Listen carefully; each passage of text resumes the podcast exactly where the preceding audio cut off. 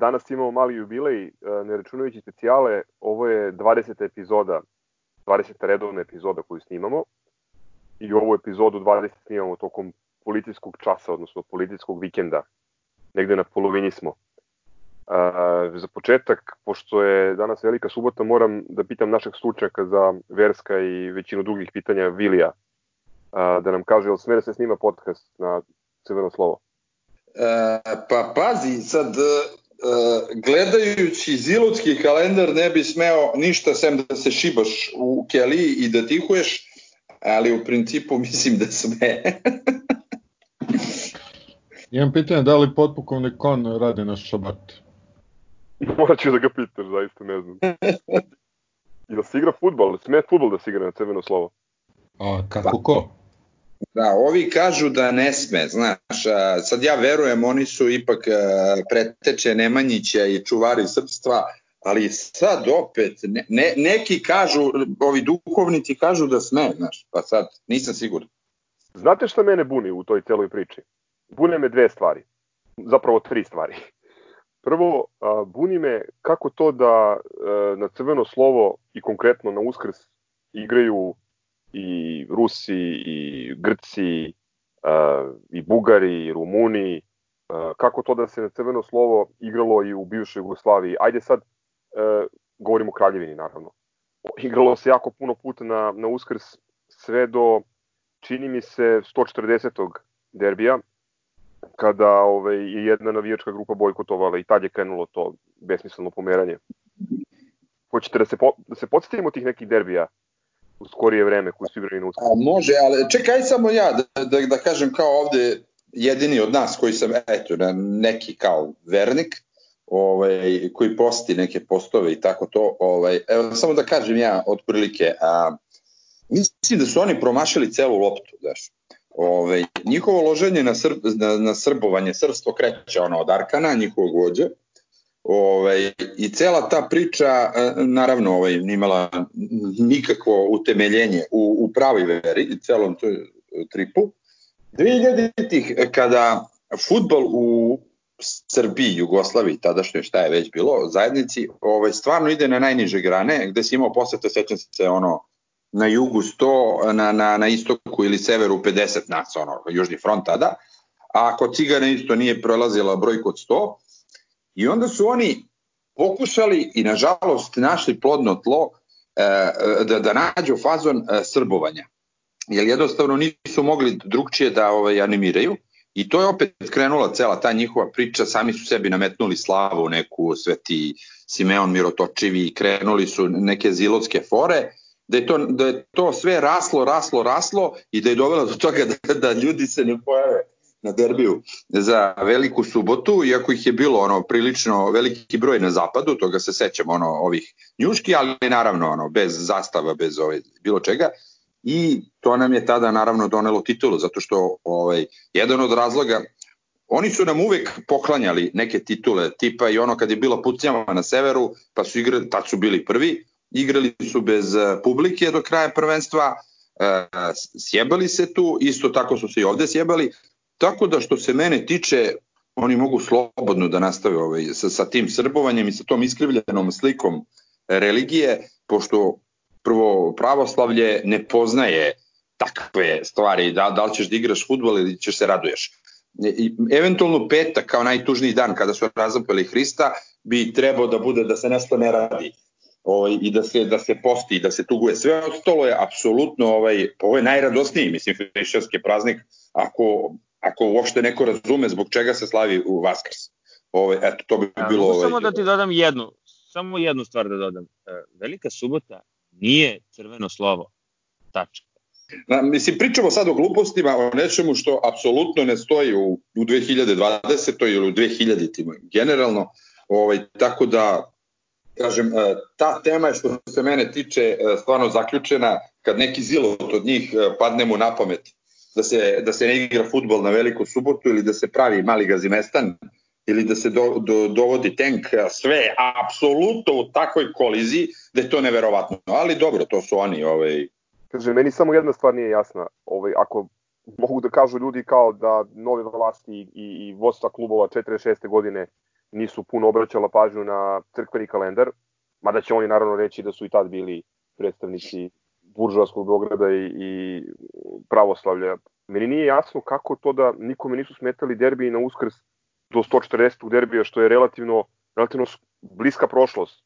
140. derbi taj u kome Teigo dobio, o kome ste sad bili pričao, e, gde je Teigo dao pobedonosni gol za Partizan je odigra 2011. godine. Znači, u istoriji derbija, derbi su se igrali na, na crveno slovo, pa i posle ono kao pada komunizma, čitavih 20 kusur godina. Ove, tako da mislim to je potpuno jedna besmislena priča, no, ono malogađanska, novokomponovana. A evo, e, da počnemo od pada komunizma 2001. onaj derbi kada je Uh, Radaković odbranio penal Branku Boškoviću kada je Ilijev dao go za, za, za pobedu 2-1, to je bila isto velika subota, ovaj, i tada su veliki ovaj, hrišćani pravoslavci napali jug. I tada je bila ona preogromna tuča, čuvena, ovaj, da, to je ovaj hrišćanska samilost bila verovatno 2001. Evo, ljudi, kad me učite za jezik, pravoslavlje u Srba je relativno mlada religija. A, dakle, Srbi su po drugi put primili hrišćanstvo 89. i to se sada razvija kao i svaka mlada religija i sada svedoci smo nekih običaja koji nikad nisu postojali, a, nekog klanjanja, zilotizma, tako da obzirom da su a, gospoda sa severne tribine poznati ziloti, ja očekujem da oni nastave da napređuju ovaj, pravoslavnu dogmu. Dobro, posle 116. derbija i ovog Tejgovog, ima još jedan derbi koji nije odigran na veliku subotu nakon što su oni uspešno izlobirali da se pomeri, ali to je jedna od naših najvećih pobeda u Rupi uh, u poslednjih ne znam koliko godina, uh, to je pobeda od 3-1 uh, na 157. derbiju koja je definitivno prelomila uh, borbu za titulu uh, u onoj Nikolićevoj sezoni kada ih je ovi kada su ih Talamba i, i Leonardo pre svih sahranili. Ove ćemo neka sećanja na taj derbi. Izvini, pre nego što samo dođemo do, do sećanja koje evo Crk prvi nek se priseti neki stvari, samo da kažemo da je to igrano, izlobirano, da, da bude pomerano na, na utorak posle Uskrsa, e, koji je crveno slovo. E, izvoli Crk nastavi. Da, pa rekoh, nismo se ni osvrnuli, samo smo nabrojali a, ove derbije. A, taj, recimo, sve su to baš onako dragi pobede, recimo taj 2001 sa tom fantastičnom odbranom, sa pobedom, sa ovim severne tribine obučenim u najlonske kurtone, baš onako živopisna utakmica. Imao sam neku sreću da sam kasnio, tako da sam samo zatekao ono bojno polje ispred južne tribine, ono sravnjeno sa zemljom, kladionicu, zonu. I ovaj, šta da znam, bio lep dan u svakom slučaju. Ovaj, ovaj, ovaj Tavambin derbi, Tavambin, ne Tavambin, nego ovaj Tegov 140. to je uh, prvi derbi na kome je prisustvovao uh, predsednik sudijske komisije Histerikala Milorad. Uspio nekako da iskuka, pošto je, jeli, znalo se neće doći ovaj, cigani, tako da je apelovao na mene da, eto, kao, ajde tata, nije toliko opasno, tako da zbog toga mi je drag derbi, a ovaj Talambi, njega se dobro sećamo i to je stvarno, ovaj, tad je nastala pesma o Talambi i tada je jedan od učesnika ovog podcasta a, prepevao ti ne znaš da igraš futbol, da li ti je žao i da li se stidiš toga? Malkici. imam dobru priču, imam dobru priču za uh, Tejgov derbi. Uh, nisam bio na tom derbiju, bio sam u, u Engleskoj, ali bio je veliki problem iz nekog razloga pronaći stream te utakmice i iz ne znam kog 270. pokušaja, pošto sam obišao sve lokale u koje sam išao ovaj, obično koji su prikazivali domaći futbal, pošto sam sve probao, probao sve uh, poznate internet streamove, na kraju sam našao uh, neki arapski uh, sportski program E, gde su prikazivali tu utakmicu, međutim, pošto sam zakasnio, uključio sam se bukvalno ono, malo ne pred sam kraj i ocekao sam se kada sam video e, natpis gore 0-1, a zapravo, pošto na arapskom naravno pišu s desnog na levo. Ovaj, mi smo tad već da, ja sam pretr, pretrnuo ovaj, ono, od straha da, su, da vode 1-0. Eto, to mi je ono jedno sećanje. Tek sam posle pogledao utakmicu na Tenane ovaj, nakon što se završila na internetu i eto, nisam video gol, ono što se kaže u live Da, ovaj, e, taj 2001. E, seća se, bilo je neko super vreme posle kiše, onako lepo, onako prijatno. Ovaj, e, taj derbi je bio, odigrali smo odlično, Sale je odigrao, mislim da je on dao prvi goj, ja mislim, i to je nešto ono... Krenuo je, krenuo je loptu jednu koja koja je išla ovaj, ka golu, glavom igrao, više ne mogu setim ko, i Sale je skrenuo ispred golmana u mrežu. Jel tako bilo? Znam da je, da, da je Sale recimo dao go, a možda i nije, možda je lupam, ali nije bitno. Jeste, jeste, Sale i Lijev. Da. Sale više na malo prostora i Lijev je uh, onako čušnuo loptu između golmana i štopera koju klizava ispod juga, baš lev gol. E, onda se sećam da smo, uh, mislim da je Branko Savić, možda grešim, ili Bakero, Bajić, neko od ta dva mesara je stvarno napravio penal, znači nije bila fora, polomio je cigane ovaj, baš nešto lepo, e, i onda je tada njihova haubica čuvena, Branko Bošković, ovaj, uzeo da, da, da šutira penal, a, glupo je reći da, da sam znao, znao sam da će Radaković da odbrani, kuriozitet je da je Radaković sutra ili preko sutra 2001. zapamtite ovo kada je još ono internetu povaju napravio sajt www.radakovićradovan.ko.rs ovaj, .ju. Znači, to je bilo ovaj, to je bilo napravio neki svoj sajt ono sa svojim nekim odbranama i ono kratka priča o tome. Ovaj, sećam se da sam otišao taj sad i da sam plakao od smeha, ovaj, pošto mislim, ono, Radaković je bio jako simpatična glava i uopšte ne znam gde on posle završio i šta je uradio. Ovaj, uglavnom, tada smo ih lepo ovaj, Nadigrali smo ih, ba da su imali oni neke šanse, tad je bio ona, ona, ona žirafa Žigić, koji nam je uvijek pravio problem, ali ovaj, to mi je baš bio jako drag derbi. Tad sam bio na derbiju, za Tejga nisam bio već, ovaj, gledao sam od kuće i tu je, tu je, ona, a, tu je onaj problem kad ti daš go odma, mislim da smo ga dali u nekom četvrtom, petom minutu, ono, kad je Tejgo e, glavom ono dao go, i ovaj i onda imaš 90 minuta. Ne, ne, minuta. to je drugi derbi, to je drugi derbi. To nije, to nije taj derbi, to je kup. A, a koji je ovaj bio? Ovo je bio kad je ovaj uh, veliki Stefan Babović promašio loptu u 16 tercu, prešla mu preko noge i slučajno došlo do tega koje je samo čušno iza Bobana Bajkovića. A nije to slučajno Babović to radio namerno, to je, ali o, vi što ne znate futbal, ali dobro ide. Ovaj da, da, da, mo... Malte ne promašio balun ceo. Samo mi da. reci da li mu je prešla preko prave ili one noge koju nema. Ne koju nema. Kao danas se sećam, znači one koju nema. Uglavnom, baš su mi dragi svi ti derbi ovaj, e, što se igraju tu oko Uskrsa i na to neko crveno slovo. E, ja dalje predlažem da se oni drže svog pravca ovaj, i tako da, da, da će to biti sve u redu. Ja se sećam e, sva ta tri derbija. Što se tiče tog Tego derbija, jaka ekipa Asova je bila u, ono, na atletskoj stazi prvi radovi predvođena e, sada dobrim čovekom e, Mišom iz Knjaževca i e, verbalna komunikacija na nivou apsolutno priče, dvosmerna komunikacija sa Bobanom Bajkovićem, ceo taj derbi je bila uglavnom bazirana oko Zorice Markovića kojom je on tada valjda bio u nekoj šemi. I to je trajalo, tu su se donosili neki posteri. To je bilo baš onako e, jedna, jedna živopisna utakmica gde je pomenuti, ovaj, ne znam da sam se smeo više u životu na futbolu nego tada, a, ovaj, a e, tada je pomenuti Babović promašio jel te loptu pa došlo do onog nesrećnog tega koji dade gol.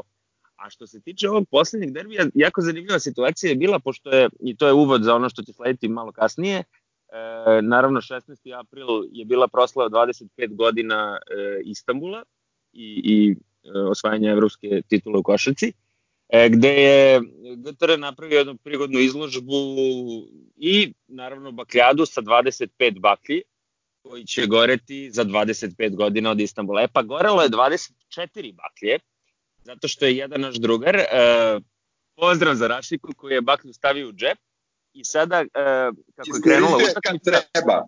Ne, ali najbolje, on je stajao pored mene u tom trenutku, mi smo stajali na istoku i frajer je u trenutku kada se Leonardo zaleće da izvede slobodni udarac. Znači, zaleće se da izvede slobodni udarac, nije ni šutno loptu, Rašika već pali baklju viče, evo ga i pali baklju pre nego što lopta ušlo u gol. Za derbiju druga stvar je bio koji kada dajemo gol za 2-1, e, kada je naš drugar Peđa Bajević u WC-u, i provaljuje tada da je Maler i od tog trenutka uopšte se ne vraća na tribinu, nego se nešto šeta do WC-a, osto gore na vrhu, pa nije ništa video, tako da ovaj ima i do toga uh, neko je uh, vernika neko su... E, dobro si pomenuo to uh, za Pedija kad kad tripuje da je Maler jel, jel imate nešto ono kad je derbi ili kad je neka bitna utakmica što vas da kažem maleriše i, i morate da uradite. Ja recimo imam a to je da ne smem da se da da stojim pored Monda. Ovaj stajao sam kad je Kadu dao go, stajao sam kad nam je Šamrok dao go u, 90, u stoj nekom, tako da sam rekao, brate, kad ga vidim, ja bežim kilometar od njega, eto, to je to. Meni je Rajković nabacio to da se svaki dan, ovaj, uh, za, za, svaki dan kad je derbi obrijem, spremim, jer uh, za seks treba biti lepo i ono, ribe bolje padaju na tebe tada. Tako da se uvek obrijem za derbi i, i ovaj, volim da nosim isključivo crno ili belo. Nema, znači, nema drugih boja i nemam čak ni hiljadarku u novčaniku. I volim da su mi tu, volim da su mi tu i Gaza i Ilija i Ilija uh, Ander iz, ono, da mi budu blizu negde da ih vidim. A mene ne voliš, ne? To. Što? Pa, ne znam, prosto volim da ste tu uvek je, uvek je, zato što, što uvek kad smo bili blizu i zajedno, uvek smo dobijali. Nikad nismo izgubili. Zanimljivo. Ja nemam nikakav ritual, jedino što volim da popijem dosta piva pred utakmicu. Baš uzem i reći. ne razlikuje se ovaj, kad igramo derbi i bilo koju drugu utakmicu. Par utisaka sa tog derbija poslednjeg 157. Prvo, uh, razvalili smo ih na terenu. Uh, žao mi je što um, nismo dali još neki gol, a mogli smo. Recimo, posle, uh, pre ovog um, Leonardovog slobodnog udarca, sećate se da je Đurđević imao 1 na 1 sa, ovaj, čini mi se da je Manojlović branio za, za Cigane. Ovo jeste, jeste, onaj, onaj menadžerski golman, taj. I druga stvar um, koju pamtim je uh, ona, ona neverovatna kontra kod trećeg gola uh, sa Đuričkovićem, jednim od outsidera koji je primio loptu od Leonarda, izneo je, dodao mu je onako kao na tacni i ovaj onako podbo preko ovaj Manojlovića. I bila je na kraju, i na kraju ona situacija sa uh, Leonardom i Đurđevićem kada, yes. kada nisu, kako se zove, nisu, ono, ko će da da, Đur, nije mu ovaj, Uroš doda loptu na vreme i ovaj, moglo komotno da bude 4 Ta situacija koja je bila na kraju me posjeća na uh, finiš poslednjih 15 minuta utakmice u kupu, u finalu kupa te iste sezone, gde smo mogli da im damo, ja mislim, pet golova u poslednjih 20 minuta uh, i da bi na kraju strepeli od onog Miliješovog slobodnjaka. Koji Ali je još jedan underdog odbranio onda ono na kraju, a o tome ćemo kasnije.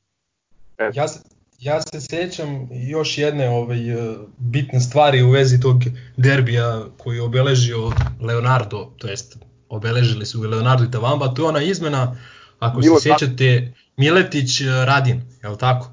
Milo Radin. Ovaj, Put u životu levog beka. Jeste, jeste. Znači Miletić je bio katastrofalan ovaj, inače u Partizanu, a na toj ovaj, utakmici posebno. I sećam se da sam ono bukvalno strepeo svaki put kad je bila lopta na njegovoj strani. I ovaj i to je i Marko Marko Nikolić to prepoznao, pretpostavljam da je to prepoznao kao kao jedinu neku realnu opasnost koja nam preti i da je ubacio ovaj ovaj Radina da da ovaj prvi put što kažeš odigra, odigra na toj poziciji i bukvalno od kako je on ovaj ušao na teren, mislim ja nismo imali ovaj nikakvu nikakav problem. Ovaj ja isto mi je zanimljivo da ako se ne varam pošto realno ne, slabo se sećam tog, tog derbija iz 2001. Ipak sam bio baš klinac, ali se dobro sećam ako je to bilo neposredno nakon toga onaj derbi Sale Ilić e, u Rupi Kocić u finalu kupa. Jel, jel to bilo znači mesec dana posle toga ili sam ja pomešao godine? Jeste, to je bilo u maju. Jeste, jeste. Jeste, jeste. 2001. da. E, pa zanimljivo mi je dakle da ovi, i tada, i 2001. i 2017. smo ih dobili eto dva puta u, u razmaku od, kako se zove, u razmaku od mesec, mesec i po dana, jednom u prvenstvu, jednom u finalu kupa. Sjetite sam se jednog simpatičnog detalja, taj derbi Talamba, a, posle trećeg gola skandiranja a, kući, kući. Dobro, naravno ovaj, i taj derbi e, smo ukrali, odnosno pokrali smo i kako je Terzić posle ovaj, dokazao, izveo nekom jednačinom. Da li je fakultet radio analizu? Ono? Ne, ne, Tehnološki ili koji beš? A čekaj, ali dobro, bio je faul nad golmanom, ili tako da? ETF je radio, ETF je radio analizu um, kad je Bogunović dao gol ispod juga, a oni izračunali da nije prešla celim obimom e, gol liniju. Ako smo iscrpili ono anegdote iz sa ovih uskrsnih derbija, samo da kažem da nikako ne treba zaboraviti da je prvi derbi u istoriji odigran na uskrs. To je još jedna od uh, tih sitnih pakosti, odnosno detalja koje se, koji se provlače kroz uh, medije koje su sklone komšijama, a to je da se e, stalno pominje i ponavlja kako je prvi derbi odigran u januaru 47. što apsolutno nije tačno. Prvi derbi odigran na Uskrs 46. tačnije 21. aprila i Partizan je pobedio rezultatom 2-0 strelci Rupnik i Bobo Mihajlović. Eto, toliko.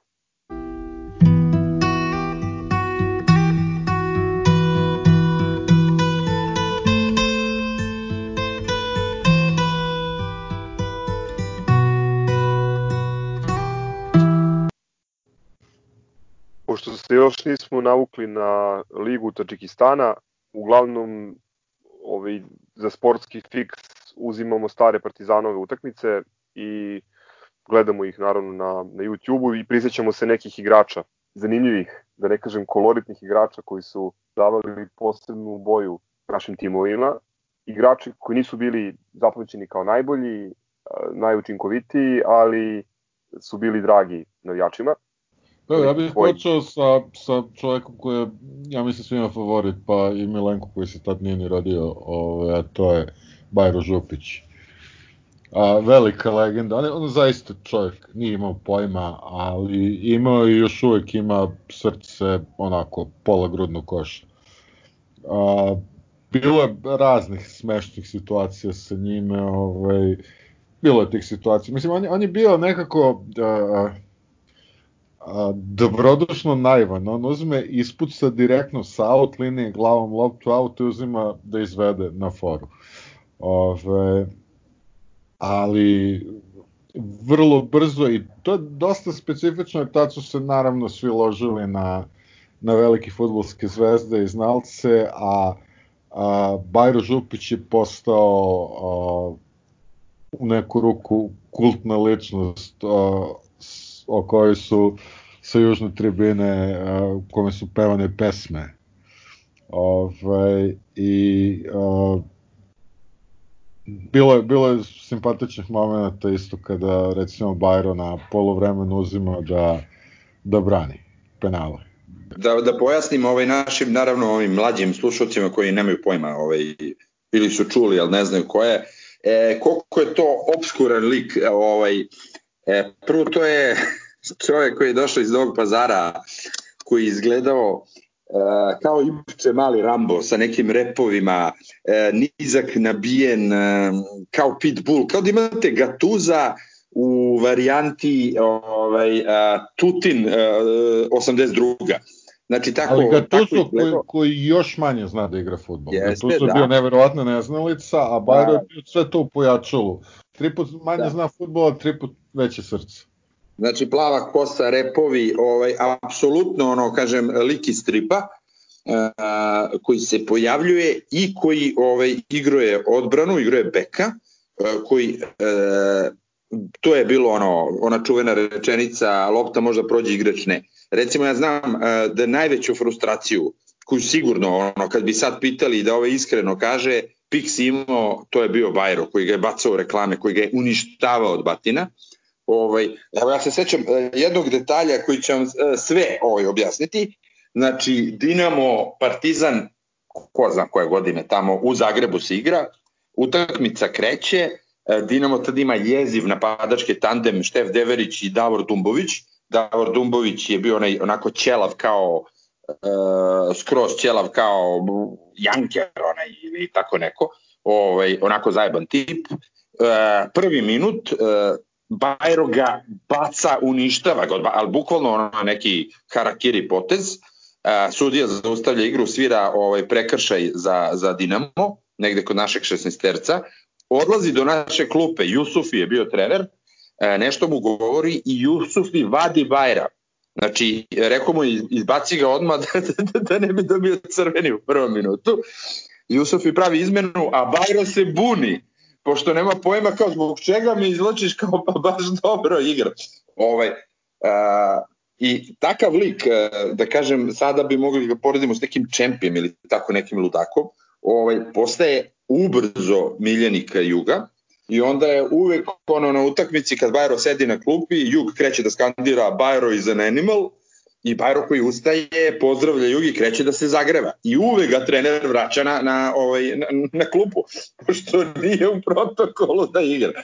Ovaj, znači, najveća legenda, ajde da kažem, ovaj, koju ja pamtim, eh, tog tipa, ne, neki ludak kao neka maskota naša, ovaj, ali stvarno to srce, što je rekao Nemanja, to niko nije imao. On je išao, eh, išao je na najgore moguće, ovaj, mogu da pogine sto puta, ono, glavu da slupa ili tako nešto. Ovaj, treba, spomenuti, treba spomenuti da je Bajro i dan danas a, ističe da je veliki grobar i da je između ostalog a, on preporučuje praktično doveo a, malog džavola Adama Jajića u partizmu. Jes, jes, tačno. Dodao bih samo još uh, nekoliko detalja biografskih vezanih za Bajru.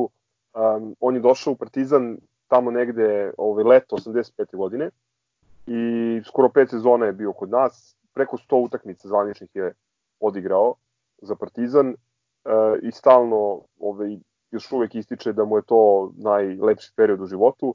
Inače, osim um, tog nekog, da ne kažem trenerskog, trenersko-skautskog posla pri futbolu, uh, on je jedno vreme imao uh, i mesaru u Novom pazaru koji se zove Bratstvo jedinstvo.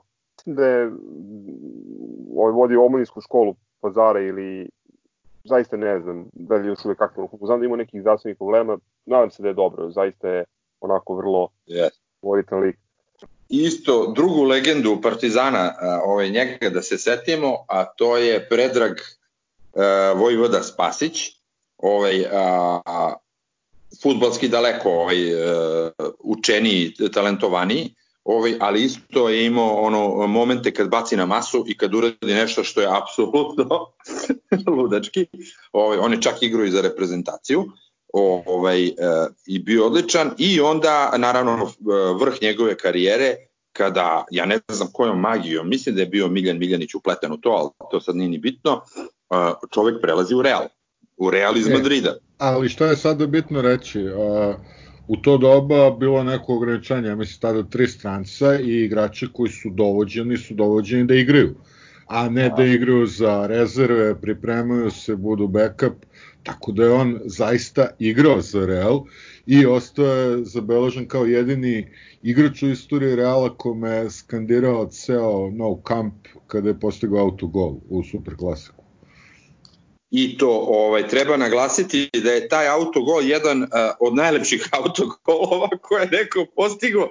Ja mislim možda je Bata Mirković za Atalantu ovaj postigao lepši sa pola terena kad je lobovo svog golmana, ali Spasić je u uh, bio je korner za Barcelonu, e, ne znam ko je izvodio, ovaj Spasić je glavom prikucao pod prečku svog golmana ovaj, da, da ne mogu vam objasniti, to je golčina i to sa nekih ono 8-9 metara, ovaj, to je golčina za, za, za, za anale, ovaj. ja, moram, ja moram u odbranu Vojvodinu da kažem da a, je moguće da je njegovo izuzetno aerodinamično čelo ovaj, a, pomagalo u takvim pehovima, jer a, on je baš onako iskošeno čelo i tu se odbio lopta nepravilno i ko zna gde će dode. A jedno pitanje samo, je li Spasić e, ima ono, i onaj penal koji je pogodio Maltene semafor, ono naj, naj, naj, najveći promašaj iz penala na jedna? Ja mislim da je Župić proti Čelika to. Aha. Dobro, svakako jedan od njih dvojice, evo, nek nam neko napiše u komentarima ko je siguran. Pa ne, samo hoću da popunim špar ovaj, nekih detalja interesantnih vezano za Vojvodu. Um, to je, um, da, u pravu si, Vili, uh, dosta kvalitetni igrač od, od Bajre. Na kraju krajeva čovek je odigrao preko 30 utakmica za reprezentaciju Jugoslavije, čak je igrao ja mislim standardno ovaj, na mundijalu u Italiji 90. Ovaj, a u kvalifikacijama je čak i dao gol, to je onaj čuveni snimak protiv Francuske na JNA, ne znam kojim delom glave je pogodio ovaj gol Francuza ispod juga. A, inače, taj transfer njegov, on je kasnije bio u Real, on je kasnije bio predmet ozbiljne istrage, čak mislim da je Ramon Mendoza, ovaj tadašnji predsednik Reala, nešto i robio oko toga. U svakom slučaju Vojvoda je posle ono, ja ne znam, jedne sezone, čini mi se, su ga prosledili u Osasunu i tamo je, boga mi, odigrao 3-4 sezone. Ove, ja sam relativno skoro sam čuo od nekih ljudi koji ga poznaju da je on e, posle završetka karijere ovaj, da se vratio u Kragujevac, odnosno negde u blizinu i da totalno van futbala, da ne vodi baš ovaj, najlagodniji život, e, iako eto, imao je ipak ozbiljnu karijeru, osvajao je neke trofeje, igrao je futbola na naj, najviše nivou, tako da ništa, nadam se da je, da je no, zdrav. Igrao za Partizan, da... legenda, vrete, da. Stvarno, meni je bio drag, mnogo drag ovaj igrač, o, i stvarno sve najbolje, mislim, ja bih volao da vidim šta je sad sa njim, da ga neko kontaktira, ko zna, pa ne, da ga zovemo da priča. Da, čuo sam da je u nekoj dosta lošoj situaciji, da. koji ovako, ali ajde da ne pričam, pošto možda je rekla kazala ali u svakom slučaju Vojvoda ostao, ostao upamćen. Na kraju krava i taj nadimak je dobio zbog bez kompromisa te neke borbenosti koje se... Bio je Vojvoda, bio je Vojvoda i pre Šešelja, čisto da se zna. Pa da, govorimo o 88. Iskakiranje. A kad pričamo o tom penalu koji sam pomenuo, možda i Vojadin Stanojković. Moguće da i on. Dobro, i Vojadin je bio sličan tip igrača, ali ne, ne toliko rizičan kao ova dvojica.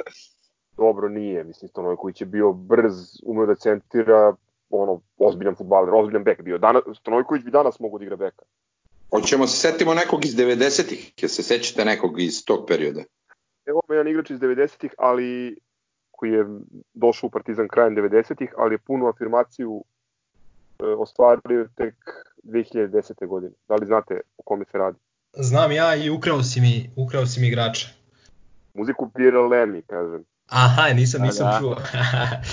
ovaj, on je meni neverovatno drag lik. Ovaj, imao sam, imao sam to zadovoljstvo da, da, da odradim jedan intervju sa njim za, za jedan od grobarskih fanzina i ovaj i tu sam bukvalno potvrdilo se sve ono što, što, što sam i mislio o njemu, dakle vrlo onako pristupačan, uh, sasvim normalan, ovaj, sasvim normalan lik i naravno ono gde smo se on i ja složili to je ovaj to je muzika. Radiša je veliki ljubitelj trash metal muzike, dakle pričamo o onoj ranoj sepulturi, Slayeru, Megadetu i tako dalje. Ovaj tako da smo se tu, tu smo se u potpunosti našli i ovaj od tada je on ostao meni ovaj jedan od omiljenih likova ovaj vezanih za Partizan. E sad ljudi, a, možda grešim dušu, možda do mog Alzheimera, ali a, ja ga se iz tog a, prvog mandata u Partizanu sećam kao a, dobro golmana. Mislim, jako malo, jako malo je imao prilike, ali... E, ali... Nije, nije, nije, nije, nisi u pravu. E, u stvari u pravu si, bio je dobar golman. On je recimo bio prvi golman 99. I sećam se te priče e, kad smo išli u Holandiju na prvu utakmicu sa Licom, gde smo bili formalno domaćini, e, da je čovek zakasnio na aerodrom, e, pošto je celo veče ćerkao, i da, je, da ga je Tumba samo izmarširao napolje i onda je Damjanac faktički postao prvi golman, koji je do tad bio rezerv. A on je bio mnogo bolji golman u tom prvom mandatu nego u drugom mandatu. To što se desilo, ono lepo, onaj lepo prolazak u Ligu šampiona, je bukvalno pored meni vrlo drago gradiše koji statira. Sve tri, Sve tri lopte su išle preko gola. Bio je jako blizu odbrane jednog penala, ali nije odbranio. I onda pa naravno ima... primio je gol između ostalog i od, i od uh, Šamroka, ona, ona, ona dva gola, to je ajde penal manje više, ali primio Imao onaj gol je- sa 30 metara.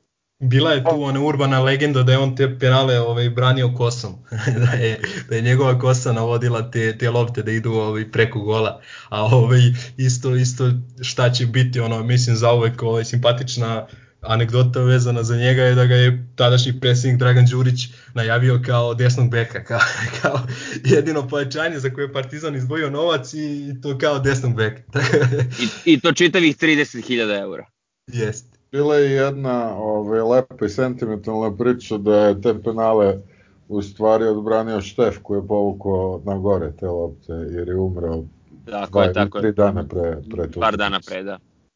Svećan je njegov prvi mandat, znači on je tada bio ono, između drugog i trećeg golmana, doveden je kao talentovan. Mislim da je tad bio u mlade reprezentaciji. Je branio, inače doveden iz Slobode iz Užica. I a, sećam ga se, prvi put sam ga vidio ne na terenu, nego kod Drakstora Gogi. To je bio jedan Drakstor gde smo mi pili ono pivo pre utakmice ovaj, u tom periodu i on je tu u jednoj od onih zgrada je živeo i rutinski je silazio ovaj, bleve sa nama i pio pivo i razgovarao. Uopšte nismo znali dugo da je on ono, grezani golom Partizana. Sjećam se, ovaj, čak mislim da je Marko bio nehru sa mnom, jednom prilikom kad smo provalili da je to, da je to on, kad je izašao ovaj, bio rezerva. Ono, lik koji je tipa neju dana ranije sedeo s nama tu i pričao, ne znam, o muzici, o futbolu, bez veze, ono, mislili smo da je neki navijač, koga ne znamo. Inače, ovaj, u tom periodu ja ne znam da je nekih 60 utakmica je spojio uh, i ono što hoću da kažem da je on uh, da on ima ozbiljan ozbiljan um, staž kada su u pitanju titule uh, i trofeji uopšte. Mislim da, da on ima s Partizanom, da proverim, ma da, on ima četiri, četiri osvojene titule i dva kupa. Ma onaj, onaj klip, e, muziku bire Radiš Ilić koju možete da nađete na YouTube-u je meni ono e, draži od svih tih ti- titula iskreno, jer ovaj, stvarno je onako specifično ovaj, e, pronaći čoveka koji u takvom okruženju bira da živi taj način života. Ali što se tiče tog njegovog prvog mandata, ja se ne sećam baš ovaj, najbolje, ali kad pogledaš imao je tu i ozbiljnu konkurenciju. Ja se sećam da sam ga pitao baš ovaj, da li možda ima neku žal ovaj, što možda nije napravio još bolju karijeru, što možda nije više branio za reprezentaciju, on kaže ma ne, kakvi, kao bio je kralj nepri, neprikosnoven, ok, kao što se tiče tog prvog mandata, tu su bili Damjanac i Radakovića, mislim, ovaj, tako da bila je tu onako solidna, solidna konkurencija. A da li se sećate njegovog a, a, izgleda u, u Briselu i koji je broj nosio na leđima? Valjda je nosio 33, ako se ne vera. Tako je, i pošto ima 30 A imao i, da, i, i ličio je na Isusa dugo kosu. Imam ja Tako. fantastičnu fotku iz tog Brisela, pošto sam ovaj, od ljudi, jedino sam ja imao, imao sam ono, većina tih fotki koje su posle korištene na raznim navijačkim sajtovima, fanzinima i to su, su, su moje odatle. Imam ja super uh, fotku gde on daje izjavu, a iznad toga piše uh, BWA i mislim ono Black and White Army i Radiša koji je puno sićanja da je izjavu, mislim da ste videli tu fotku, ali njegov izgled tad je bio blagoreći skandalozan. Tako je, ošišao se neposredno posle toga. E, a imam ja jednu ovaj, anegdotu onako da, da ispričam ovaj, u vezi isto Radiše. Uh, ona, mislim, sa njim na golu smo ušli u Ligu šampiona, a onda je Stojk je potpisao, ako se ne varam, krajem avgusta meseca, pred kraj prelaznog tog roka. I, ovaj, I znam da je to ono baš izazvalo ono revolt među navijačima Partizana, a ja sam tad bio klinac koji ono odrastao uz, uz forum Južnog fronta i ovaj, iz te neke priče sam onako, hteo ne hteo priklonio se ovaj, toj struji i stvarno sam stojke tad očekao na nož. E sad, to ne bi bilo zanimljivo ovaj, uopšte za ovu priču da meni nije ovaj, u tom trenutku predavala stojke tova keva fizičko u srednjoj školi i, ovaj, i onda je došlo tipa bukvalno mesec dana nakon što je Stojke potpisao za Partizan, ovaj, imali smo neki turnir u futbolu, sećam se, i znam da je moja ekipa, ekipa mog odeljenja bila ovaj, pod nazivom uh, ti si prvi golman Radiša. Eto, ovaj, mala, mala anegdota. Naravno, Stojke tu sam posle i oprostio i zavoleo ga, tako da ovaj, ne, ne bih da izostavljam ga iz ove priče. lepo si Milenko ovaj, uh, Stojketa pomenuo, pošto je on uh, po meni klasičan taj underdog. Ovaj, cela ta priča i kako je on došao, prvo ja sećam te prve utakmice, gde, gde, gde on izlazi na zagrevanje i ja vadim svoju propusnicu koju, ono, koju sam kupio ono, par dana pre toga i hoću da je polomim, ne znam kome, kome zaustavio, zaista sam bio popizdeo, ovaj, onda on tu kao nešto, ono i kreće jug sa stojke grobare ili Srbi, grobare, posle bilo Srbine. Ovaj... Ne, mislim da je prvo bilo Srbine jer smo ga prihvatili kao a, jednog od, od nas Srba, ja a onda mislim, je da, posle da. postalo. Znači, bilo je Srbine ja, ovaj, da prihvatimo, pa dobro. Um, sad nije ni bitno, ovaj, ali on je, kažem, uh, cela njegova priča u Partizanu je toliko ono absurdna uh, da ti uh, neko ko je ono izjavljuje da mrzi Partizan, da ovo, da ono koji je valjda bio i kapiten ili nije, zvezde, nije ni bitno, ovaj, na derbiju brani pokazuje onu nakaznu majicu, oprostite mi moju ružnu prošlost, ovaj, e, ima probleme s ciganima, napadaju ga u Đenovi, hoće da ga spale i sve to, i, ovaj, i čovjek koji tako ovaj, ostaje na, na celom tom putu i postoje e, apsolutna grubarčina. Ovaj, to, to jednostavno, ja sam, kažem, posle svih tih događaja kad sam razmislio, treba imati ozbiljna muda ili biti ozbiljno luda, ja mislim da oni jedno i drugo, ovaj, sve to uraditi, ovaj, uh, ići uz kurat ciganima i celoj ovaj uh, hajpu oko njih, uh, koji ga jure po gradu, koji je koji ono, zaista, znači ono isto jedno uh, tog tipa legenda, znači ono totalno lud, s tim što je, mislim, da, kažem, ovaj, vrlo bitan šaf u našoj ekipi, nije kao Bajro i kao to, ovaj, vrlo je bio, ovaj, vrlo nas je milion puta spasio. Tako da zaista ono, mogu njega da stavim u tu, tu priču, ako nisam razmišljao o tome. Ali Čekaj, samo nešto, nešto što si ti pričao, ove, a to je kako je, kad je otišao iz Partizana negde u Izrael, kako je a, slikao se ovaj, stalno kako ide u nekom kabrioletu i piće grupa i on se nešto grobariše strahovito. Jeste, ovaj, moj kum koji je inače cigan, se s njim ovaj, nešto družio, šta ja znam, i onda je počeo da ga, da ga podjebava nešto pičko, grobarska, ovo ono, i ovaj mu je regularno odgovarao, ovaj, puštao partizanove pesme, slikao se u dresu partizanovom, koji je nosio ispod uh, dresa ovoga na, na utakmici zvanično i tako, mislim, ovaj, uh, ozbiljno se pelcovo na grobarstvo i kažem, ja više stvarno nemam šta da mu zamerim. Ja mislim da niko već godina nema da mu zameri, a poslednji bastioni otpora a recimo Gogec koji je uvek vikao kad stojke odbrane on već stativa. Stativa! On je, on je prestao, jedino, jedino je Mondo ostao već ti hejter i već ti nezadovoljnik. Dobro, mislim da je Stojković ono kategorija za sebe, čovek je prešao igricu šest puta, sve pečeve koji postoje instalirao i prešao ih, tako da prosto više ne znam, ono, ne znam šta može da mu se zameri. Ja imam jednog igrača ovaj, koji je tako isto kategorija za sebe. Uh, čudi me da ga Vili nije pomenuo. Pedi bi ga svakako pomenuo da je sa nama. To je Džigi Ninković. Prosto ne znam šta bih, ne znam ono, ne mogu da se setim, pošto pratim naravno naš ovaj, omladinski tim, naše juniorske kategorije dosta aktivno i dalje, kad imam vremena. Ne mogu da se setim puno mladih igrača koji su pokazivali više talenta i znanja od njega. Mislim da to nije bilo izolovano mišljenje, šta više, ovaj, Džigi je sa 17 godina dobio, zapravo sa 18 godina dobio petogodišnji ugovor, mislim da ne, ne pripremu u Sloveniji gde je jednoj utakmici 4, 5, 6 golova dao više, ne mogu da se setim protiv Zavrča, recimo. Fantastičan jedan e, kapacitet, neprevidiv dribler, sjajna leva noga, dosta ljudi ga je poredilo sa Milošem Milutinovićem, kada je reč o, o ovaj, kretnji sa loptom i tako dalje, ali jednostavno u glavi eto, ne znam šta je, šta bih rekao. Mislim, sama činjenica da je trenutno, da nije u Askuliju za koji igra, nego da je u karantinu sa, kako pričaju, sa nekom prijateljicom koju je upoznao preko interneta, ovaj, to dovoljno govori svemu. Uh, Ljudi, ali ajde... pronađite, pronađite video na kome se Džegi svađa sa nekim navijačem. Na pa, e, ja sam ne, ne, ja dobro, to je bio jedan Instagram Instagram live gde se on ono to je najjači najjači Instagram ja, live ikada.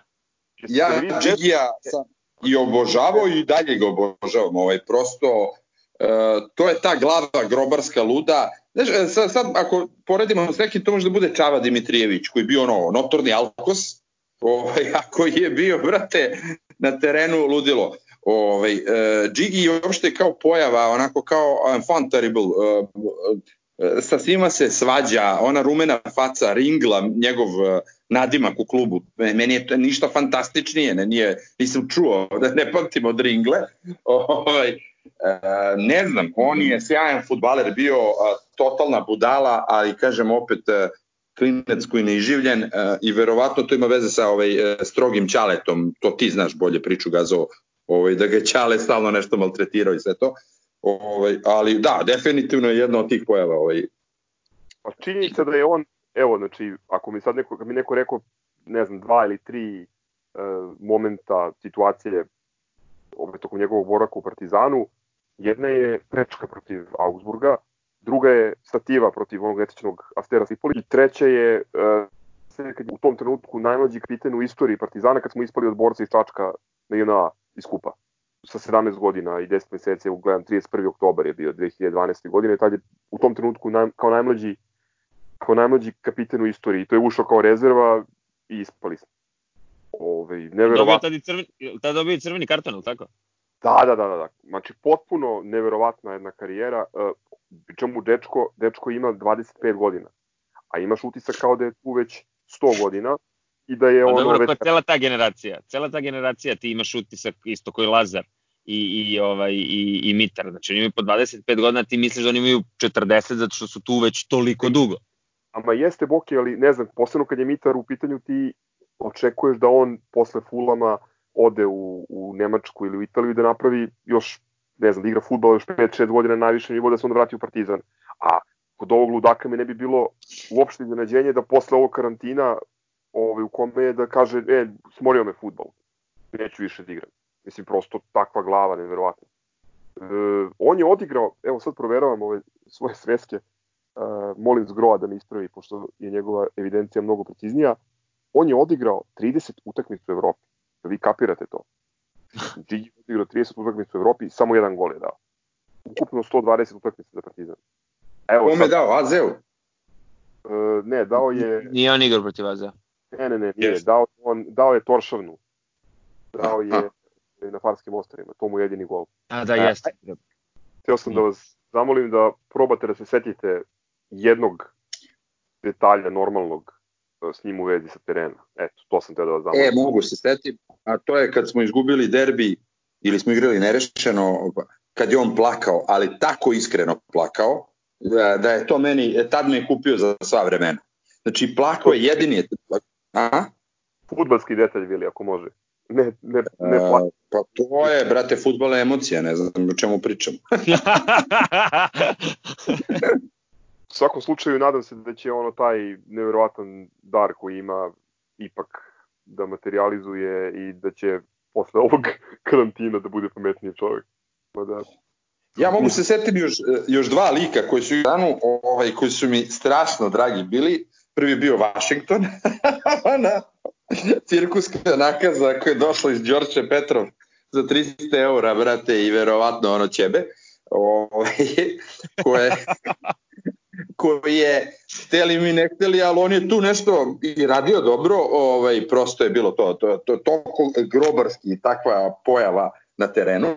I drugi je naravno uh, igrač Partizana uh, sezone, ne mogu setiti koja je to bila sezona, kad je ovaj, uh, onaj Partizan ko ju uh, tražio glasanje od navijača, ko, će, ko je najbolji igrač u sezoni, kad je masovno krenuo Aspro Genis. Neki menadžerski skraćeni golman, vrate, od metar i po, ovaj, koji je postao... odbranio penal, odbranio penal u derbiju. Na derbiju, da. Ovaj, koji je postao, ono, kažem, najbolji igrač te sezone po glasovima navijača. Ovaj, to, ta dva lika su mi, ono, apsolutno, ono, da kažem, favoriti baš sam ih voleo, ovaj, nebitno što su bili e, niškoristi, što bi rekli Hrvati, ali su bili odlični. A, to, to, A ima dobra stvar za, za, za kad je Washington došao, znači ono, nakon Žigića od 2 metra, to dolazi igrač od 2 metra u Partizan I ja pričam s nekim iz kluba, kakav je igrač, kao u odličan, zna da ima dribling, ima ume da šutne iz driblinga, ima levu, ima desnu nogu, zna da doda, zna da skloni. Rekao, dobro, kako igra glavom? E, ali super, znači, može iz trka da opali, može da se namesti. Rekao, dobro, kako igra glavom? Ne, ne, znači, ume i da se zagari. Da rekao, čekaj, bre, care, kako igra glavom igrač od... A ne zna da igra glavom. To znamo da ne zna da igra glavom. Ja za Washington imam uh, dve interesantne uh, priče. Jedna je da je on ponuđen Partizanu pre nego što je otišao u Makedoniju Đorče Petrov i to mislim da je bio na probi recimo u Javoru i to nam je ponuđen za neke ono mizerne pare, bukvalno za ovo što je Vili ovaj, u šali pomenuo i da, je, da nije prošao, e, a da smo mi Makedoniji Đorče Petrov ipak platili jedno dosta solidno obešećenje za njega i njemu dali dobar ugovor. Ovaj, mislim da je to jedan od redkih promašaja uz onog Rugo, Vito Rugo. A, da. znači, pored njega, jedna od redkih Tomićevih grešaka. E, druga stvar, e, pri čemu, pajde, kod njega nekih futbolskih momenta mogu da se setim, recimo na derbiju je namestio e, ove Vujoviću, a ne Moriri, kako smo prošle, e, u prošlom da. podcastu greškom pomenuli, namestio je gol, onaj, ona volejčina, to je, to je Washington odigrao glavom, upravo. Druga je da ga je e, Gujf e, tražio i da ga je našao, ako ne grešim, kao člana izborne komisije na nekim pokrajinskim izborima u Brazilu. Znači čovek je posle Partizana i... E,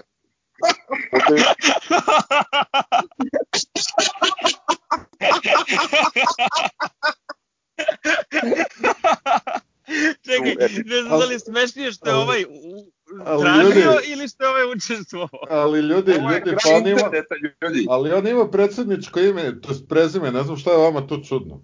Ljudi, on je Washington, ljudi. Ljudi, ali on je dao gol Brižu. Ne znam da se toga sećate. Znači, dao je gol ovaj, na evropsku utakmicu Partizana. Kad smo kod besmislenih potraga za bivšim igračima, ja sam na Kipru, kad smo bili na, na letovanju jednom prilikom, pokušao sam da uđem u trag e, ovom Nikolausu Esprogenicu i našao sam ga. Čovjek ima restoran. Jesi jeo kod Esprogena? Mem si za ovo. Eto ti. Znači, bavi se čovjek u gostiteljstvu. To je bila isto neka kombinacija ovaj, Djekovića, čini mi nije ni bitno. Ja se ne sećam ovo, iskreno Washingtonovog gola Brižu, ali se sećam onog skandiranja ovaj, na melodiju Every Go, ovaj, Washington, Washington, Washington je glavni grad, glavni grad, glavni grad. Čekaj, ovaj, to je bila... kako se on zvao? Washington uh, Mariano da Silva. Washington da Silva, da Silva, da. E, ali, ali ljudi, imam ja jednu jaku... Roberto ovaj, Mariano da Silva. Imam jednu jaku glavu isto, ovaj, na, na tu temu uh, i mo, mislim da posle toga bi je krajnje vreme da pređemo na košarku. Ovaj, a to je Mohamed Zabija. Ovaj, on je bio tamo, bio neka velika zvezda u Libiji i valjda je on bio nešto blizak toj Gaddafijevoj struji tamo, pa onda posle tog prevrata 2000 koje 11. valjda, ovaj, onda je on morao da, da beže u inostranstvo, onda smo ga mi doveli i ovaj, I on je na pripremama dao neki gol, čini mi se šturmu ili tako nekome sa lobo ovaj golmana sa neki 40 metara. I stvarno je delovalo da, da kako se zove, da smo doveli odličnog igrača, međutim vrlo brzo je ovaj, te nade su nestale. I onda je došla priča, čak ja mislim da se i po novinama ovaj, razvlačila priča kako on ne jede, pa kao zašto ne jede, pa kao zahtjeva da uh, jede samo životinje zaklane prema istoku. iz nekih verskih ovaj, pobuda. Ne, bio je Ramazan. Pa bio je Ramazan, ali nemam pojma. Ne, ne, ne, ne, ne, ne, ne, uopšte, uopšte. Bila je frka na teleoptiku zato što je stalno pitao da li je halal, da li su, da li su ovaj, junadi, to je zaklana prema istoku. Eto. Tako da, da ovaj, to da, jeste, nije... to je bila, to nije priča, to je bilo tako. Da, da, i nije znači ovaj, ali samo Ramazan. Za njega ima još bolja priča, a to je e, i snimci, video snimci i klipovi kako ga moji drugari e, odvaljuju na malom futbalu, znači proturaju mu loptu kroz noge i sve ostalo na malom futbalu na Voždovcu. Problem sa Ramazanom je bio on, e, sa onim kamelnom zajemom, ako se sećate, odnosno zajebom, e, ko, koji je doveden iz Tunisa, tuniski Maradona. Sećate njega? Da, da. Ali, e, da, da, da, da. Ja On mislim je- da smo za Biju nešto isto dovodili, ono, ko ovog Šabalalu, nešto, par godina se pričalo. Jeste, jeste. Godinama smo ga dovodili. Ali opet, opet, nam je, opet nam je taj Ramazan i doneo ligu šampiona, jer je ovaj, Busufa definitivno odigrao ovaj, dosta slabije nego, nego što je mogla od te 2010. Neko seća ka, e, za Bijinog jedinog gola? Pošto ja ne mogu setiti. Ja sećam promašaj u Novom Sadu, kada je bukvalno sa golima. Toga se sećam ja, ono, popizdeo sam bio, da. Kada je ja koji? Ja sam pomenuo ovaj gol sa priprema, ne znam da li se on računa. Ne, ne, dao je u prvenstvu jedan gol, sigurno. Aha, to ne znam. Ne znam ja. Isteklo, vreme je isteklo, nemojte se ljutiti što sam začutao za trenutak. Krećemo i sa košarkaškim segmentom. Lemi istražuje, samo ne znam šta ovog puta, izvoli. Eha, pa došli smo ovaj, na moj teren, došli smo ovaj, eh, na košarkaški teren i tu već, boga mi, ima i nekih aktuelnosti. Ovaj, prva aktuelnost koja je onako direktno vezana za, za Partizan i za neke naše ambicije i da kažem koja nam određuje sudbinu ove sezone je bila ovaj, jučerašnja ova konferencija uh, Đorđija Bartomeua ovaj, uh, u kome on manje više rekao sve što, sve što smo i znali i što smo i očekivali. Dakle, osnovni cilj uh, Evrolige je da nastavi sva takmičenja, ovaj, odnosno Evroligu i Evrokup, da ih nastavi po formatu koji je bio planiran, a međutim svesni su i oni da, da, da je to, da kažem, malo verovatno i ovaj, na kraju mislim da će se ipak, ako se to uopšte i odigra, da će se što se tiče Evrokupa, da će se odigrati Final Eight. Partizan je, koliko smo čuli iz domaćih i stranih medija, danas poslao dopis Euroligi, odnosno e, bordu Eurolige, u kome želi da se kandiduje za domaćinstvo e, Final Eight turnira. Naravno, sve to, kažem, pod uslovom ako se taj turnir bude održavao i ako Beograd i Srbija budu u stanju da takav turnir i organizuju. A, sad to povlači mnoga pitanja. A, Bartomeu je rekao da je neki deadline do kad misli da, da bi trebalo da se završe prvenstva a, kraj jula, da nema nameru da nastavlja turnire u septembru i oktobru sa novim ekipama kako je to isplanirala FIBA. Rekao je da će timovi imati uh, jedan prozor od tri nedelje za, za uigravanje, za vraćanje uh, ekipe u igrača u formu. I sad tu se isto postavlja pitanje u vezi tog karantina, zato što on nije isti u svim državama. U većini država je dvonedeljni karantin, dakle ko uđe u tu zemlju. Kod nas je još uvek četiri nedelje. Sad da će se to menjati do, do juna meseca, nadamo se da hoće. Nadamo se pre svega će biti situacija zdravstvena mnogo bolja i, i u Srbiji, a pogotovo i u Italiji, Francuskoj, Španiji, Velikoj Britaniji, gde, gde sve ne. Znači, uh, ima tu mnogo onako znakova pitanja, ali onako mene bar raduje da oni izgleda ne planiraju da to da, da zatvore, da to ponište prvenstvo kao da se nije ni, ni odigralo, jer mislim da bi to stvarno bila velika ovaj, greota pre svega za nas a onda i za još neke timove poput recimo Efesa. Isto je interesantno da je ovaj generalni menadžer Efesa isto ovaj, jasno stavio do znanja da u slučaju prekida prvenstva da očekuje da se Efesu dodeli titula. E sad nije jasno rekao da li u domaćem prvenstvu gde su takođe ovaj, ubedljivo prvi ili čak i u Euroligi gde, gde imaju to prvo mesto ovaj, mada u toj Euroligi da, on je rekao je odigrano je 77% ovaj, takmičenja, pa šta onda mi da kažemo za ABA ligu i za 94% odigranog prvenstva? I ovaj, gde mi već imamo gde već imamo ovaj, obezbeđeno prvo mesto na kraju regularnog dela. Ovaj, ne znam kakva su vaša razmišljanja, šta vi mislite, koje su vaše prognoze, kad će ovo da se smiruje, da ne, ne možemo kažemo da stane, ali da se smiri, kad će moći da se uđe u tu dvoranu, da se organizuje utakmica bez prisustva publike. Šta vi mislite? Pa, jako je teško reći. Ovaj. Rekao bih da to što je Bartomeu pričao juče više njegov wishful thinking nego što je nešto što je zaista realno da se dogodi. Ovaj, postoje različite najave nastavaka nekih sportskih takmičenja, ali sve je to još uvijek na dugačkom štapu, a, a pođemo od toga da trenutno niko ni ne trenira, su tu potrebne i neke pripreme, i, mislim, ko zna šta će biti zaista. Ali mislim da je to više, više on pokušava da, da odbroji neki svoj finansijski interes nego što je nešto zaista realno. Ja se slažem sa Crkom, um, mislim da je ovim conference callom i, i tom izjavom koja u suštini ništa, ništa novo ne govori, ove, Jordan je samo kupio vreme, uh, mislim da on u ovom trenutku osim tog problema sa um, generalno vrlo nejasnom zdravstvenom situacijom u, u, u ovim ligama koje, uh, odnosno državama koje uh, su još uvek u opticaju za, za finiš takmičenja, um, da njega verovatno brine ekonomska konstrukcija, odnosno održivost koju će Euroliga Eurocup imati kad se sve ovo završi. Mislim da sa nekom najoptimističkom procenom ne možemo očekivati da će a, moći da se ide u hale u Turskoj i, i Rusiji te, ne znam, jula. Prosto ne znam da li je to uopšte moguće tamo pratići ove brojke onako ovlaš deluje kao da se, da se pandemija tek zakuktava. Ima još jedna jako bitna stvar koju smo u jednom od prethodnih podcasta pomenuli, to je a, situacija sa igračima. Jako puno košarkaša je a, napustilo države u kojima su trenirali, igrali, otišli su u Ameriku. A, mnogi Amerikanci, nekima ističu ugovori vrlo brzo, šta će biti ako se završetak u, ne znam, Final 8 ili Final Four formatu bude igrao u avgustu mesecu. Šta je sa igračima kojima su istekli ugovori među vremenu? Šta je sa registracijom novih igrača? Šta je sa timovima koji neće imati možda dovoljno igrača da popune 12 torbu?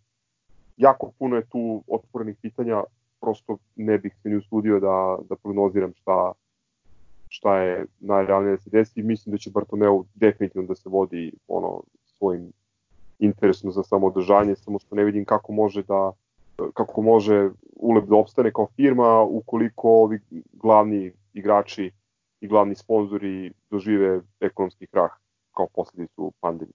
Upravo mislim da u tom grmu i leži zec da se sezona neće poništavati, jer ukoliko bi se sezona će se pre verovatno završiti da, sa trenutnim nekim ono standingom i, i trenutnim stanjem na tabeli nego, nego da se poništava. Jer ukoliko se poništava, neko je, neko je skoro izvukao informaciju da bi onda moralo silni neki novci da se isplate klubovima od Evrolige koji im sleduju, iako nije odigrano. Znači, debelo bi bio u minusu kada bi se poništila sezona. Mo, moja prognoza je, ovaj, što se tiče ABE, da, tu, da je tu kraj, da smo mi šampioni na ovaj ili onaj način, apsolutno je nebitno, ali mislim da je kraj, da se tu neće igrati. Što se tiče Evrokupa, da će se tražiti forma da se odigra taj ili Final 8 ili Final 4 čak, ovaj, kažem, zbog, zbog svih tih igračkih kadrovskih problema i e, nekako mislim da, da će sport e, zbog silnih gubitaka u celom svetu, pa i kod nas, da krene sredinom maja a, treninzi i da će sredinom juna moći da se igra. Ovaj, to je neka moja prognoza, pošto vidim da se tu da popuštaju, ovaj, e, da je već, ne kažem da li je ta pandemija prošla ili nije, ali jednostavno više krupi kapital neće da, da trpi ovo stanje i da će to da, da se otvara polako. Pa to, to jeste, ta, mislim, ja po prvi put ono u životu razumem tog Bartomeua, jer realno gledano, uh, ako nije, ne znam, Liga šampiona ili NBA Liga, ako oni nisu ovaj, već prekinuli prvenstvo, zašto bi, zašto bi i Euroliga? Ovaj, uh, ima tu, znate šta je tu po meni onako jako zanimljivo, da je zapravo ABA Liga jedna od redkih takmičenja koja zapravo vredi nešto, gde titula ti od, od, određuje, ne, ovaj, obezbeđuje neki prolaz dalje, bar tako piše na papiru, ovaj, tako da ona ima mnogo veću vrednost ovaj, od, ne znam, šampionata čak i Španije i Italije, Italijan, italijanski je ovaj, završen, mada realno u kakvoj su situaciji italijani, mislim ja stvarno tamo redko koji razmišlja uopšte o košarci, osim ovog predsednika Virtusa, ovaj, koji, koji negoduje uporno što se, što se prvenstvo završilo bez šampiona. A, sve to stoji Vili, ali znaš kako, nije to igrica, znači ne možeš igrače tek tako da staviš na teren i da očekuješ da igraju. To što je Gaza rekao je tačno, znači treba vratiti sve igrače, Bartomeu je juče rekao da on, da Euroliga ne snosi posledice u slučaju da država zabrani igračima da da se pojedini stranci vrate u zemlju, znači to je na klubovima. E sad, da li će klubovi biti u stanju i mogućnosti, to ćemo videti. Ovaj, ja se nadam iskreno da si u pravu i nadam se da ćemo, da ćemo odigrati tu završnicu Evrokupa, mada sve mi se nešto čini da, da nećemo imati, imati prednost domaćeg terena. Mislim da to ako se bude igralo, igraće se na nekom neutralnom terenu, ovaj, mislim da će to izlobirati ovi iz Monaka i Virtusa, mislim da se to neće igrati u Beogradu. A, za Euroligu... Prvo, sasvim, sasvim izvesno da će se igrati bez publike. To, to... A ne, bez publike, to... tako da je apsolutno sve jedno, znaš. Pa nije, A... mislim, nije sve jedno, svaki igrač će A, ti da. reći da, da, da, da, da mu je prednost kad e, igra u dvorani u kojoj već igrao ili u kojoj trenira. Ovaj, a u tako... kojoj nismo igrali jebi ga. Mislim da, mislim da to nije krucijalno. Samo hoću ti kažem, moja prognoza da ABA nema trika da se završi i, ovaj, i da je to gotovo, da, da možemo da smatramo da smo šampioni, jer je stvarno prešao svaki rok, ovaj, evo ga, baj tu, znači sve to bro, da će Evrokup i da će Cigani isto neće mnogo talasati zato što će da nastavljaju neku formu ovu Evrolige, a mi ćemo da nastavimo neku formu ovaj, uh, uh, Evrokupa. ABA liga svakako ne treba da se završi ako će se završavati po željama ovaj, predlozima gospodina Bokana iz, iz Podgorice, ovaj, koji je izgleda zaboravio za, za sve ono što se dešavalo prošlog, prošlog aprila, pa se ponovo svrstao u, ovaj, na stranu Crvene zvezde Zaboravio je i 99. godinu, što je mnogo... Da, da, zaboravio je i 99. godinu, zaboravio je i činjenicu da je ženski tim budućnosti već osvojio, već dobio titulu ABA lige ovaj, eh, za zelenim stolom, zaboravio on mnoge stvari, ovaj, pa se onda čak, čak je ovaj, čak je recimo dao sebi za pravo i da predlaže ovaj parove četvrt finala, ovaj polufinala, pa evo predlažem ja parove Final Fora, uh, Partizan Zadar i Igo Kea Mega. Pa ajde da vidimo ovaj, što je to njegov predlog bolji od mog. Mislim, prosto je neverovatno, ovaj, ja to sve, sve to razumem i kapiram. Kažem, taj, taj njegov predlog, predlog je duhovit, mislim, čovek je ono, bio dokonik, teo je da verovatno da zabavi malo. Pa da, da. problem je problem je što će u, u taj u taj njegov predlog stati i Čović i verovatno ovaj Pavićević. Tako da ovaj bićemo tu ovaj nadglasani, mada koliko znam, čeka se odluka Evrolige, a čeka se da se vidi šta će tu da bude i ovaj recimo šta me obradilo juče da, da je Jordi rekao da da ne želi da se prvenstva rešavaju bez šampiona ili da se poništavaju, jer onda oni ima, Euroliga ima problem kako popuniti svoja mesta za sledeću sezonu. Ko, ko, koga zvati u tu Euroligu, koga zvati u Evrokup. Tako da je to isto jako bitna stvar. Jedno pitanje, Milenko, ti, ti, ti misliš da ne postoji rizik da Jordi zbog ono, ekonomske računice uradi ponovo neki totalni reset Euroligije, jer neki od ovih klubova koje, koji su imali uh, A licencu, pitanje u kom će finansijskom stanju biti, pošto su im sponzori u Buli, ne misliš da, je, da će opet da promene pravila i da, da bude u fazonu ko donese borbu sa određenom količinom novca, taj može da igra.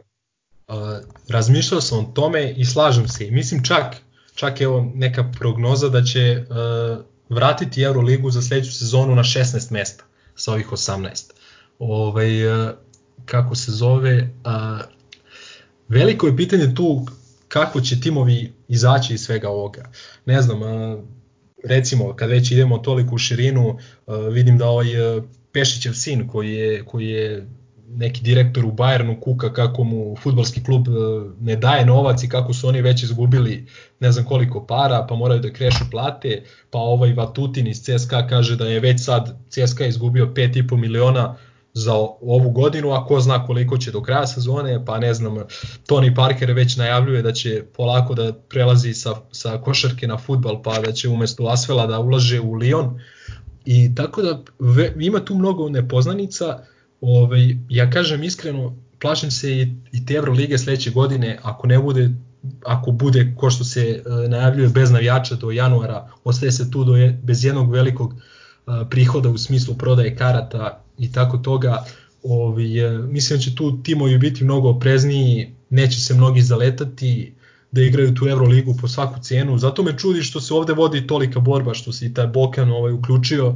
kad realno za tu budućnost nije, nije ovaj katastrofa ako ne, ako ne igra Euroligu zaista Jordi promeni formulu i smanji Euroligu i ukoliko ABA ostane bez zagarantovanog mesta, ja mislim da će oni istog dana da kažu Partizanu izvolite titulu. Zapravo jedini, jedini e, da kažem posticaj njima za e, za nastavak te priče oko o rešavanja sudbine ABA lige je o, o, očekivanje da će šampion ABA imati mesto u, u Euroligi. A to ako dođe do te promene formata takmičenja, ja uopšte ne mislim da je, da je realno. Ako mogu samo sekund da oduzmem Viliju ovaj, titulu ministra financija od našeg podcasta, a, bojim se da će u sledećoj sezoni a, prednost imati ovi a, državni projekti.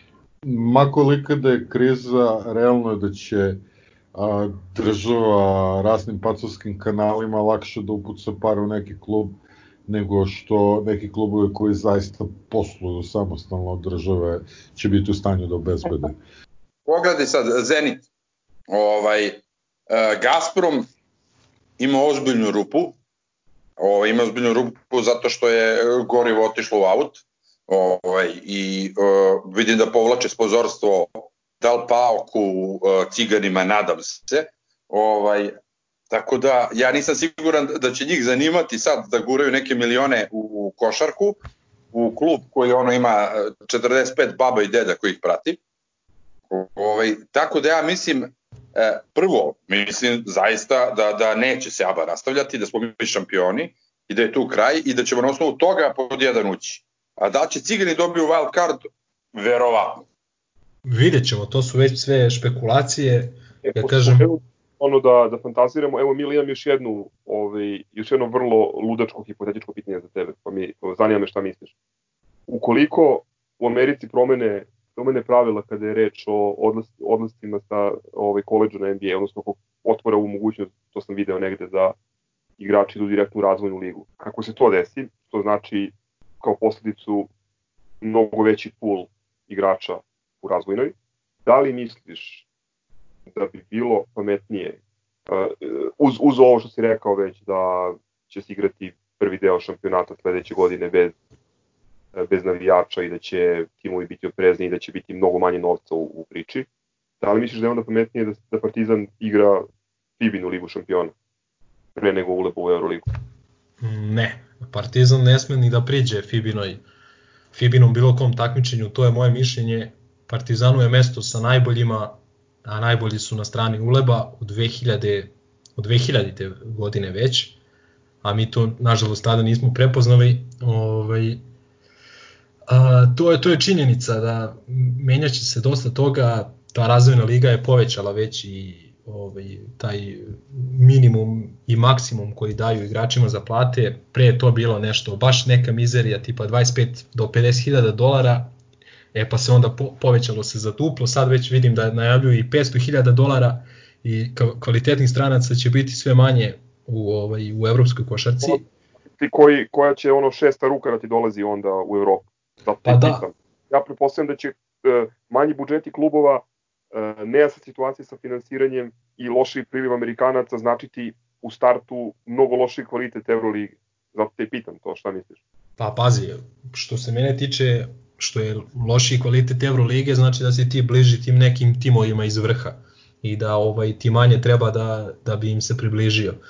Da ne ponavljam priču da smo mi ono zemlja talentovana za košarku i da smo u stanju da napravimo pristojnu ekipu ovaj, okupljenu oko nekih naših igrača.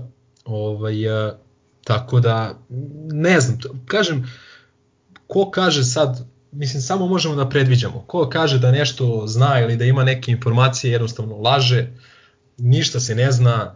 Uh, vidimo ovog komesara NBA lige koji ima, ja mislim, armiju ljudi oko sebe, koju plaća masno da, mu, da, mu, da ga savetuju i da mu ovaj, uvek dostavljaju prave informacije da je on čo, prosto čovjek onako ne bez odgovora jer jednostavno onaj što se kaže pre, prekrsti se i, i ovaj pomoli se da prođe što pre. Mnogo je tu nepoznanica. Ja kažem opet samo mi je bitno iz ovoga svega da mi ne ispadnemo opet uh, naivni, uh, da, da zarad bilo kakvih i bilo čih interesa ostanemo bez ABA titule koju smo zaslužili i druga stvar koju bi stvarno voleo je da dobijemo priliku na terenu da se borimo za trofej Evrokupa ovaj, pod bilo kakvim uslovima, sad već sam digao ruke od te prednosti domaćeg terena i od navijača, znači bilo gde da se odigra, što smo juče pričali, Bok i ja, nek se igra i na Islandu, ako treba samo da daj da, da, da se to odigra, da, da probamo da, da, da osvojimo to, ovaj, jer stvarno mislim da će nam se ova, ova situacija koja nam se desila i ovaj maler, da mi praktično ostajemo bez prednosti domaćeg terena u tri takmičenja, dakle u ABI, u Evrokupu i u KLS-u, ja se nadam i iskreno verujem da nam se to mora negde vratiti ko što nam se i ne znam Kecmanova trojka vratila nažalost posle kroz e, kucanje Childressa, nadam se da će i ovo da, ovo da nam se vrati u nekom drugom smeru. Jednostavno čekamo, nadamo se da će ovo da se stiša, da prođe što pre, ne samo u Srbiji nego i u čitavoj Evropi, da će ti ovaj, obavezni karantini biti spušteni na neko prihvatljivo vreme od tipa dve nedelje, pa da probamo da, da, da, da vraćamo igrače i ako, ono, ako Bog da, ovaj, da, da, da dobijemo priliku i da izađemo na teren.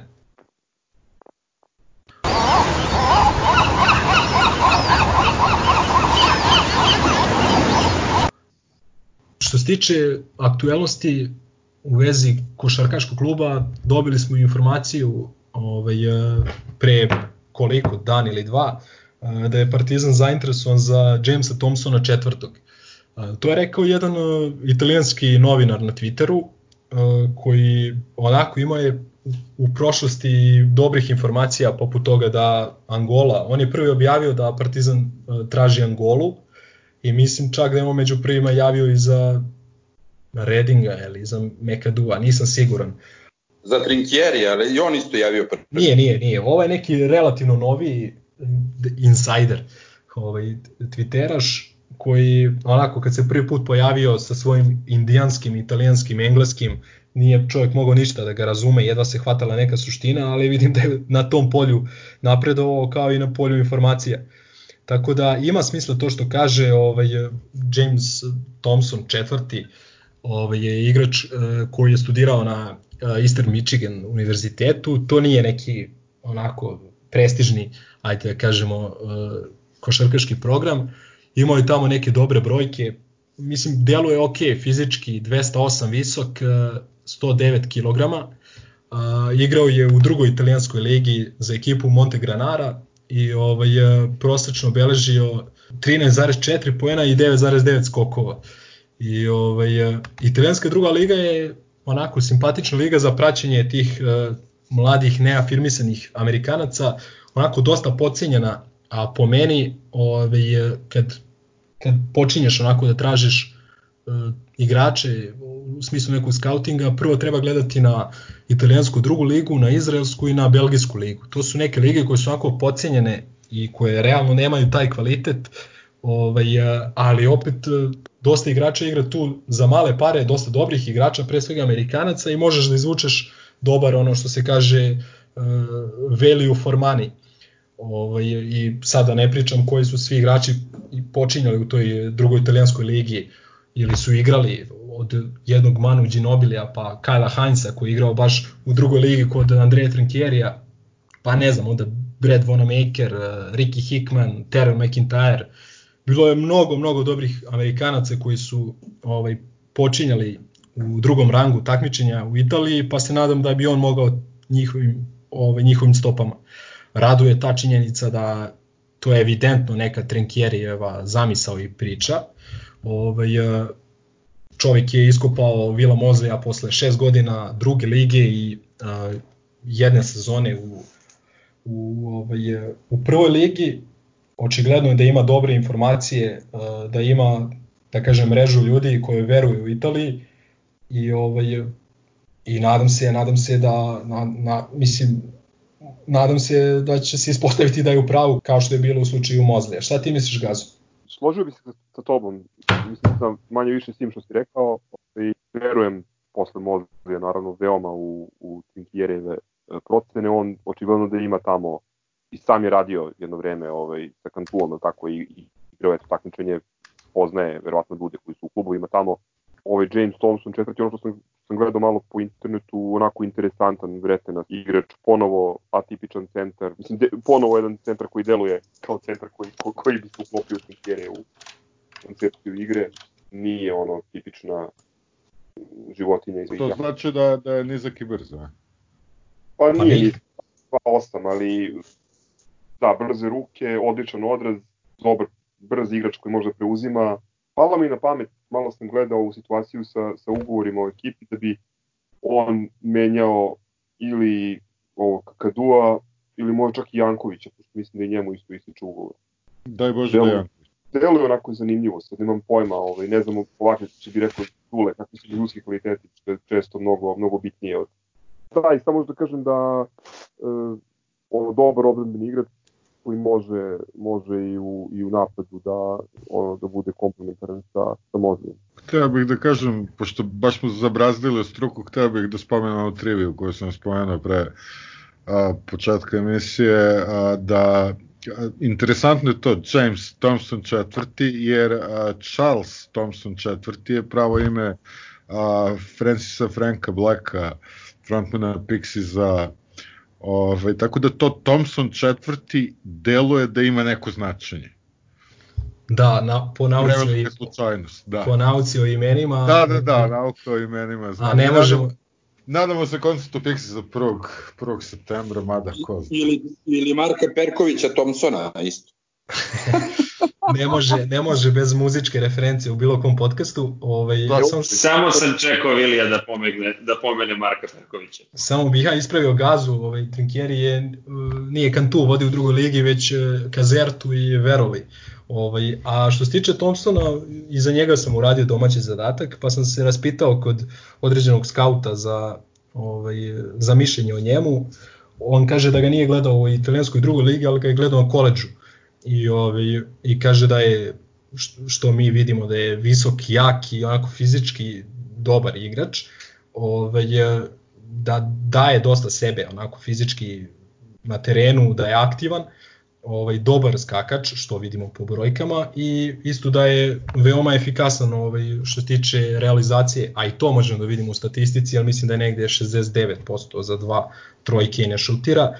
Ovaj, u principu kaže, uh, sad ću citirati šta kaže ovaj, na engleskom, uh, nothing fancy, not very polished, uh, limited basketball IQ, uh, does not pass uh, i šta još kaže, da i dobro, kaže ovo kao može da napreduje još, još fizički.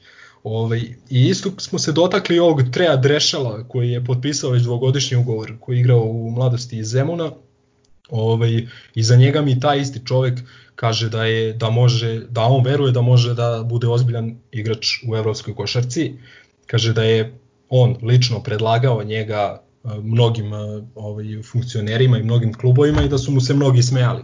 Sad on kaže da veruje dosta dosta u njegove sposobnosti i da on može da napravi ozbiljnu karijeru. Pa nadam se da je ovaj moj ovaj ovaj moj insider da je da je u pravu. I mislim da je to to što se tiče ovaj košarkaških Samo dve stvari, to ne još da dodam, ako mogu, na kraju. Um, jedna stvar je da ima samo 25 godina, tako da definitivno ima prostor da, da napreduje u Partizanu, što mislim da je, da je dobro. E, I druga stvar koja će Vilija da oduševi, rođenje u Baton Ružu. znači Louisiana. Francuz, brate, Francuz, naš brat, Selavi. Možda navija za Pelicans. E, imaš još nešto ovaj, da, da kažeš, a to je intervju Trinkjerija italijanima, gde priča o Partizanu. Molim te to, ovaj, samo spomeni ljudima, ne znam da su to negde videli, ovaj, ali jako je bitno. E, pa da, ovaj, e, on je dao, ja sam gledao neki njegov intervju, dao je za uh, YouTube kanal Dinamo Sasarija, ovaj, a vidim da je dao još jedan intervju italijanima, pa su to preneli posle i naši mediji, mislim Mozart Sport. Ovaj, pa mogu da ga citiram, ovaj, da. samo da nađem. pitali su ga za kao uopšte otkud ovaj, on na klupi Partizana on je rekao preuzimanje ovog posla je bilo nestvarno. Priprema za nešto specijalno i istorijsko vredi više od hiljadu ugovora. Bilo je vreme da učinim nešto što će mi pružiti priliku da još bolje shvatim sve što sam radio ranije. Imati kuću slavnih na treningu je neverovatno. Nekad dođe Danilović, nekad Divac, uvek je tu paspalj. I sad ova rečenica mislim da nije najbolje prevedena, ovaj, iskreno. Kaže, sama činjenica da je moje ime napravio Obradović predstavlja veliki razlog za ponos. Možda, to, možda su to mislili na ime Partizan. Ovaj, I isto je rekao ovaj, da je da i da ima 2 miliona ljudi koji navijaju za njega i da osjeća odgovornost, ali da mu to prija i da je došao u klub sa beskonačnom tradicijom i istorijom. Tako da, eto, još jedne lepe reči. Kažem, je dao... Samo, samo da, treba naglasiti, to je rekao u nekom intervju, nekom italijanskom lokalnom mediju, odnosno a nije bilo o, neko uvlačenje i poziranje, nego, mada dobro, možda i pretpostavljaju da će preneti, ali zaista ja stvarno imam utisak da Žabica dobro zna gde je i da mu to imponuje. Da, da, on je I ja samo da dodam da sam još tu, mislim, Žabica jako, i Žabica deluje da je jako srećan, da je iskreno srećan što je tu gde je. Baš to? Pa ja kapiram da treneri kad reše jednom tu neku svoju ovaj, finansijsku, da kažem, egzistenciju, da onda stvarno se lože na to, na tradiciju, na, na napredak tima, kluba, na trofeje i on je činjenica da je od kad, od kad je on došao u Partizan da je sada Partizan na mnogo višem nivou nego kada je preuzeo klub, a to je jedna od osnovnih stvari ovaj, pri ocenjivanju rada nekog trenera. Ovaj, ali dobro, kažem, nadam se da će na kraju ove sezone biti njegov uh, trofini saldo bogatiji za još bar jednu ili dve, dve titule. Ljudi, prema što se odjavimo, ne smemo, a da ne spomenemo pre neki dan 28 godina od titule u Istanbulu. Au, to je posebna tema. Mislim da... Ne, naravno, tome bi mogli tome... o tome dva sata pričamo, ali samo da kažem simpatičan utisak, video sam na vestima RTS-a, a, ide vest o tome, puštaju snimak a, i Nikita Vić, tri poena, vreme isteklo, a ona gospođa koja pokazuje za, za ovaj, za ljude sa, sa otežanim sluhom koji prikazuje uh, onaj znakovni jezik prikazuje uh, Nikitin komentar. Prikazuje tri pojena vreme isteklo. To baš, baš nekako bilo simpatično. Da, Istanbul definitivno zaslužuje jednu, jedan, jedan poseban osvrt ovaj, na njega i mislim da tu trebalo uključiti još ovaj, dosta ljudi koji, koji imaju šta da kažu na tu temu. Ja bih čestitao ovaj, i poželeo srećan praznik ovaj, ljudima sutrašnji ovaj, i uz nadu da ćemo što pre gledati crno-bele na terenu. Da će Bog. Pa, to je to ljudi. Nemojte se ljutiti što sam začutao na trenutak. da. da.